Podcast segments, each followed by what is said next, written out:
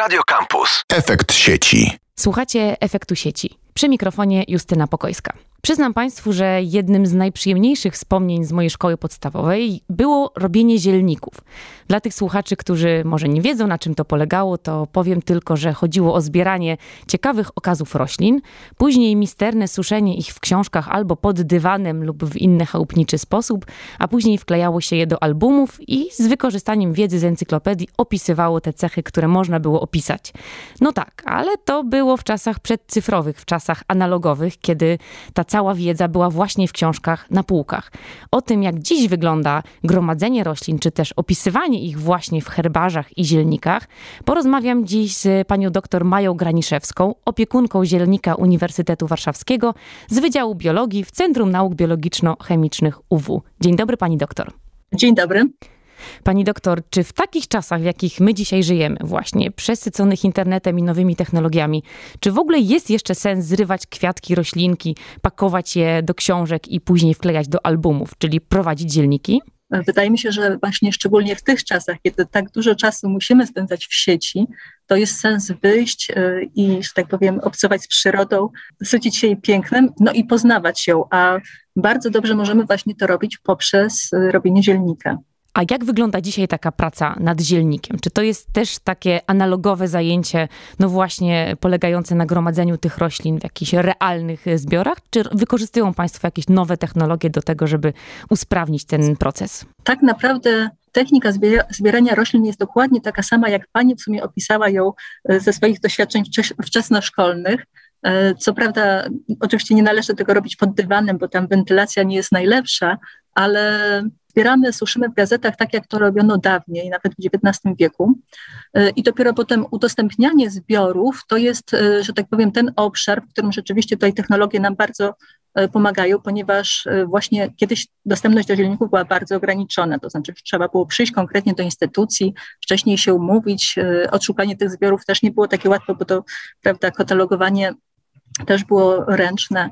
E, no i teraz e, w momencie, kiedy mamy internet, możemy zbiory umieszczać właśnie w sieci i dostęp do nich ma każdy, kto ma dostęp do internetu. A jak wygląda takie opracowanie e, zbioru, czy też pewnego okazu, które, który później trafi do sieci? Czy to Państwo skanują jakoś, modelują, drukują? Jak to wygląda od strony technicznej? Od strony technicznej w naszym dzielniku, ponieważ mamy dużo zbiorów jeszcze z XIX wieku, co się wiąże z tym, że naklejone roślinne arkusze są i mocno, znaczy te arkusze są mocno zniszczone, przybrudzone, to najpierw jest takie, też są posypane e, różnymi substancjami chemicznymi, które zabezpieczały je przed e, szkodnikami.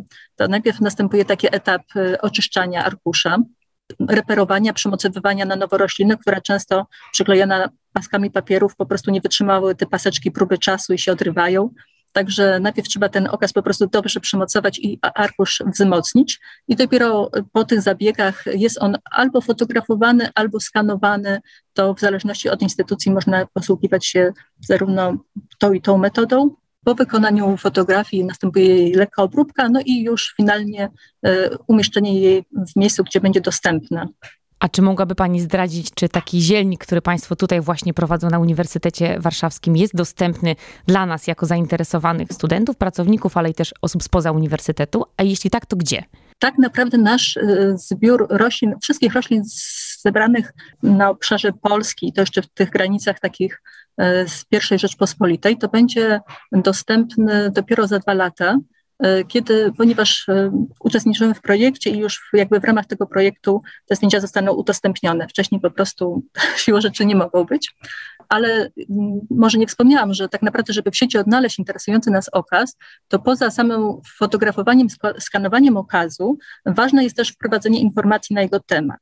Te informacje zawsze znajdują się na arkuszu i one um, oczywiście mówią nam, jaki to jest gatunek rośliny, ale także kto, to, kto tę roślinę zebrał, w jakim czasie i w jakim miejscu. Także, y, prawda, interesując się wybranym terenem, możemy po prostu wyszukiwać właśnie okazy, posługując się też tymi informacjami, które się wprowadza do baz danych. Pani doktor, czytałam, że ten nasz uniwersytecki zielnik e, sięga do początku XIX wieku, to znaczy mamy tam rzeczywiście pokaźny zbiór roślin historycznych. A czy trafiają się dzisiaj pani w tej pracy w XXI wieku jeszcze jakieś nowe okazy? Czy można trafić na rośliny, które nie zostały sklasyfikowane wcześniej? E, chodzi pani o nowe okazy roślin, tak? Nowe gatunki, no, nowe, gatunki, nowe, no, nowe odmiany, coś, co mhm. państwo klasyfikują jako nowość w tych herbarzach. Mamy dużo takich zbiorów nieopracowanych, e, na przykład kilkadziesiąt przewiezionych pod koniec lat 30.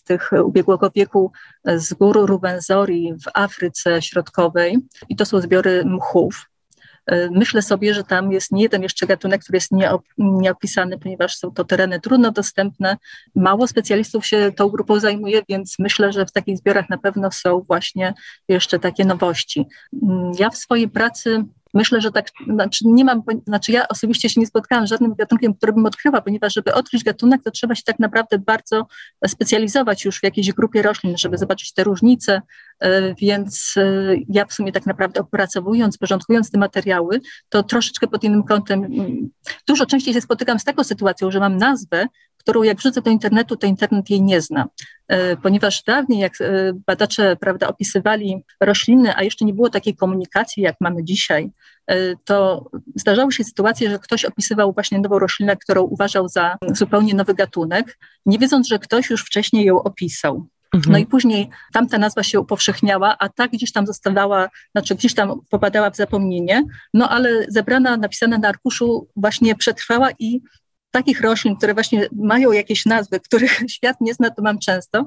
No i w tej sytuacji rzeczywiście e, pozostaje tylko oznaczenie tego, co tak naprawdę, czym ta roślina jest, więc raczej taka trudność w identyfikacji niż odkrywanie nowych gatunków. Czy to oznacza, że z czasem będziemy w stanie wpisać do internetu dowolną nazwę jakiejś rośliny czy e, okazu kwiatu i tam powinno znaleźć się ostatecznie zdjęcie odpowiadające e, tej roślinie?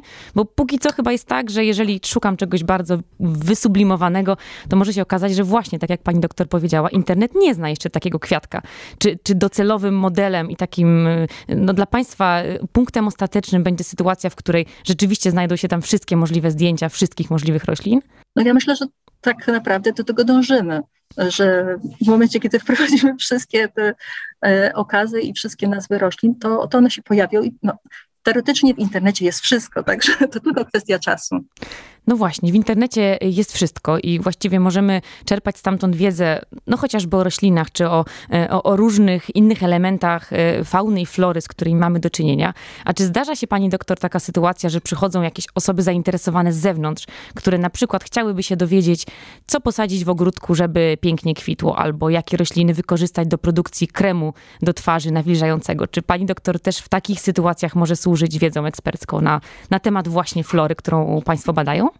Powiem tak, takie wizyty się nam zdarzają, aczkolwiek my nie jesteśmy dobrym w sumie adresatem takich wizyt, bo rzeczywiście ja tutaj pracując z okazami zielnikowymi, tak naprawdę nie mam, yy, znaczy jeżeli mam wiedzę ogrodniczą, to nie wyniesioną z zielnika i tak samo jeśli chodzi właśnie o skład roślin, yy, skład chemiczny roślin, to też jakby to nie jest pole działalności, więc takie osoby zazwyczaj ja mogę odesłać po prostu do kogoś, kto rzeczywiście yy, jest specjalistą w danym zakresie. Natomiast zdarzają nam się wizyty osób takich e, e, poszukujących jakichś inspiracji artystycznych. I na przykład właśnie mieliśmy tutaj projektantów mody ślubnej, którzy szukali właśnie nowych motywów mm, roślinnych e, do właśnie projektowania tutaj odzieży. Także oni rzeczywiście bardzo dużo chyba wynieśli, znaczy właściwie wszystkim się zachwycali. Rzeczywiście od nich mam taki przekaz, że zielnik może być takim źródłem inspiracji roślinnych. Także niewątpliwie nie tylko y, naukowcy, ale i mm, inne osoby mogą pewnie tutaj różne inspiracje znaleźć. Pani doktor, a y, będąc w tych zasobach, nieograniczonych zasobach pięknych kwiatów i roślin, czy pani ma jakiegoś swojego faworyta, czy faworytkę, jeśli chodzi o te rośliny? Czy jest jakaś roślina, która skradła serce pani doktor Mai Graniszewskiej właśnie swoim kształtem, e, jakąś fizjonomią, czy jak to opisać, nawet nie wiem jak to opisać, czy elementem budowy, mhm. który jest unikatowy na, na, na skali tych roślin, które pani doktor badała? Rośliny dużo piękniej wyglądają na żywo właściwie naprawdę bardzo ciężko jest tak zasuszyć roślinę, żeby ona się równie dobrze prezentowała jak, jak w naturze. Także ja mam swoich ulubieńców zasadniczo w takim stanie właśnie żywym, niekoniecznie w zielnikowym. Jeśli chodzi o suszone rośliny, to y, na pewno taką właśnie rośliną, która właściwie tego uroku nie traci, a wręcz niesamowicie dobrze zachowuje y, kolor, to jest ostróżeczka polna, y, bo ona ma kwiaty takie mm, szafirowe i rzeczywiście ten kolor, który zazwyczaj w silniku no szybko jakoś tam blaknie i, i jest tracony, to w tym, przy tym gatunku świetnie się zachowuje, nawet po 200 latach mamy właśnie pięknie szafirowe ostróżeczki, także to tak może tutaj właśnie szczególna roślina i szczególna sympatia do tej rośliny. To są i sympatie indywidualne, właśnie takie y, botaniczne. A pani doktor, wróćmy jeszcze na chwilę do tych kwestii technicznych. Czy takie okazy, no może nie ostrożeczki, bo ona pewnie dwuwymiarowo da nam się zasuszyć i e, zdigitalizować, ale czy okazy 3D, na przykład muchów porostów, nie wiem wiele e, o takich roślinach, ale, ale one chyba niedobrze znoszą zasuszenie w dwuwymiarowych takich właśnie kartkach papieru gdzieś w książkach. Czy takie rośliny również daje się zeskanować, czy jakoś e, obrobić cyfrowo, żeby one były dostępne poznawczo też w internecie?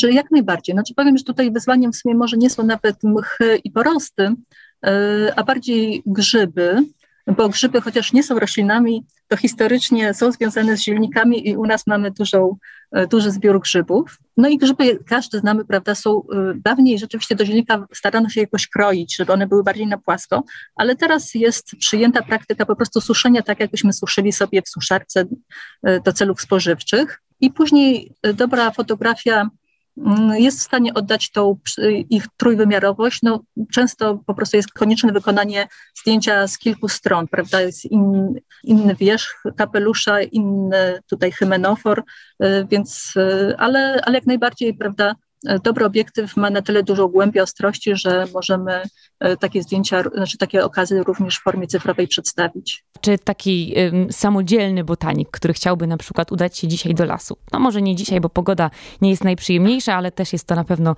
y, możliwość i przestrzeń do tego, żeby znaleźć jakieś ciekawe okazy.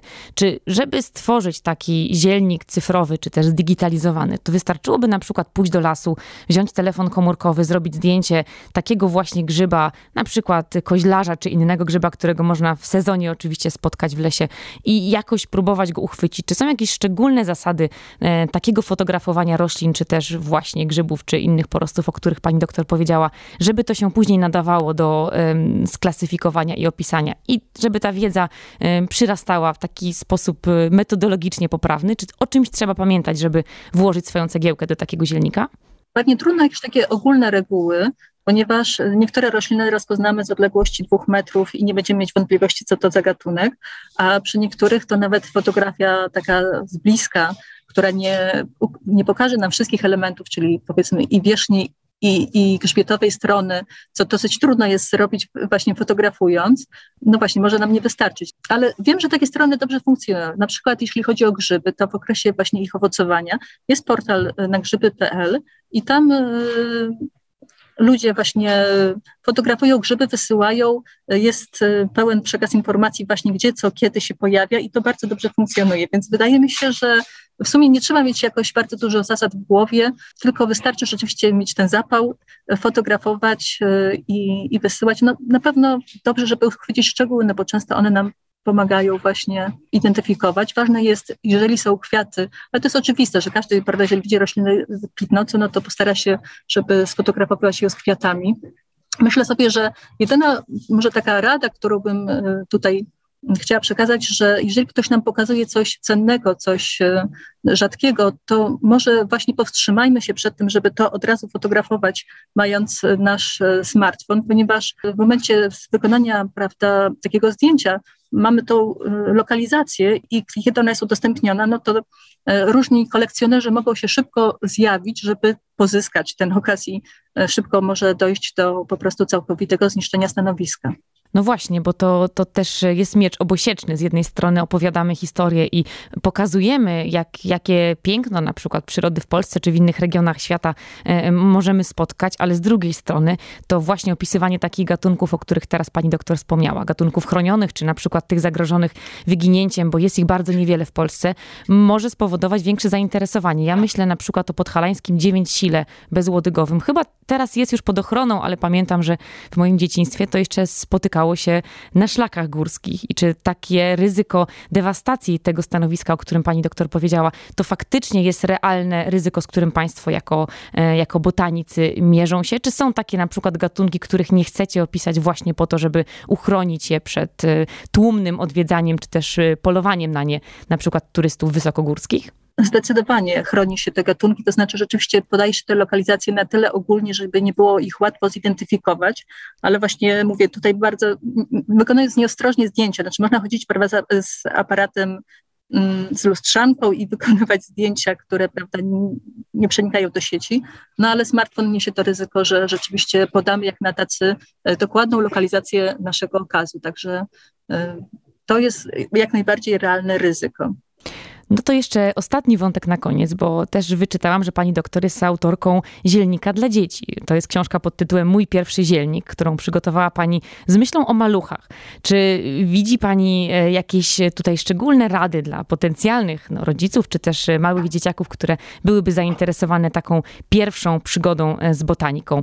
Co należy zrobić, żeby zaciekawić młodsze pokolenie, które dzisiaj już zanurzyło się w smartfonach zamiast w mchu leśnym właśnie taką wycieczką e, do lasu? Czasu na zbieranie grzybów, roślin czy innych kwiatków? Znaczy, najlepszym sposobem na zainteresowanie jest po prostu zabranie dziecka właśnie do lasu, do parku, mhm. gdzieś, gdzie ono będzie miało ten kontakt. Przy czym potrafię sobie wyobrazić, że jeżeli rodzic sam nie wie dużo na temat właśnie dotyczących roślin, to może ciężko właśnie w tym lesie przekonać te dzieci, że jest naprawdę ciekawie, bo jestem przekonana, że w momencie, kiedy zaczynamy snuć opowieść właśnie, jak jakaś roślina wykorzystuje różne mechanizmy, żeby się rozprzestrzeniać coś, to właściwie dzieci zawsze są tego ciekawe i tutaj nie spotkałam się, żeby dziecko było otworne. No ale jeżeli po prostu idziemy, no to ten las może wydawać się nudny. Także myślę, że właśnie jeżeli rodzic sam nie ma może takiej większej wiedzy, to rzeczywiście warto podsyłać dzieciom jakąś taką literaturę, która może ich do tego zachęcić. I powiem, że książka, która wiem, że dla, dla dzieci, które, czy nawet dla młodzieży, młodzieży zupełnie niezainteresowanych przyrodniczo może stanowić taki przełom. To jest wydana w 2017 roku książka Sekrety roślin i zwierząt w miejskiej dżungli Natanela Johnsona która y, zaczyna się po prostu opisem, jak to autor odprowadzał swoją córkę do przedszkola i ona cały czas mu zadawała te same pytania o te same drzewa i jego to już strasznie znudziło, więc starał się po prostu czegoś więcej dowiedzieć o tych drzewach, y, żeby po prostu nie, nie udzielać cały czas tych samych odpowiedzi. I drążąc właśnie temat, odkrył mnóstwo niesamowicie interesujących rzeczy, najpierw z życia tych zwierząt, e, najpierw z życia tych drzew, a potem właśnie, że tak powiem, swoją uwagę przeniósł też na inne organizmy, które właśnie żyły w najbliższym sąsiedztwie. I rzeczywiście mm, uczy takiej, znaczy autor uczy takiej uważności w spojrzeniu na to, co nas otacza, i to jest niesamowicie przemawiające nawet dla osób, które nie interesują się przyrodą. Znaczy wiem, bo przetestowało jedno z moich dzieci, i, które naprawdę przyrodą się nie interesuje i miało właśnie bardzo takie, znaczy mówią, że to po prostu najlepsza książka przyrodnicza, jaką czytało, także serdecznie polecam. Bardzo dziękujemy pani doktor za, za to polecenie i mm, czekamy niecierpliwie na y, ten zdigitalizowany nasz uniwersytecki zielnik, bo jestem pewna, że po tej wstępnej lekturze i później z pomocą materiałów, które państwo przygotowują, nasze przygody w lesie, ale i w miejskiej dżungli będą znacznie bardziej e, owocne. E, bardzo serdecznie dziękuję za dzisiejszą rozmowę. Mam nadzieję, że wrócimy do tych opowieści, fascynujących historii roślin, roślin pewnie nieodkrytych dla większości z nas, szczególnie tych, którzy przemieszczają się po mieście samochodami, komunikacją miejską i nie mają tyle uważności, by spojrzeć, jak kwitną kasztany albo jak wyrastają pierwsze e, przebiśniegi. Naszym gościem była dzisiaj pani dr Maja Graniszewska, opiekunka Uniwersyteckiego Zielnika z Wydziału Biologii UW, a Zielnik rezyduje w Centrum Nauk Biologiczno-Chemicznych Uniwersytetu Warszawskiego. Pani doktor, bardzo dziękuję za tę rozmowę. Ja również dziękuję. Do usłyszenia. A my słyszymy się jak zwykle w kolejnym odcinku Efektu Sieci. Efekt Sieci. Radio Campus. Same sztosy.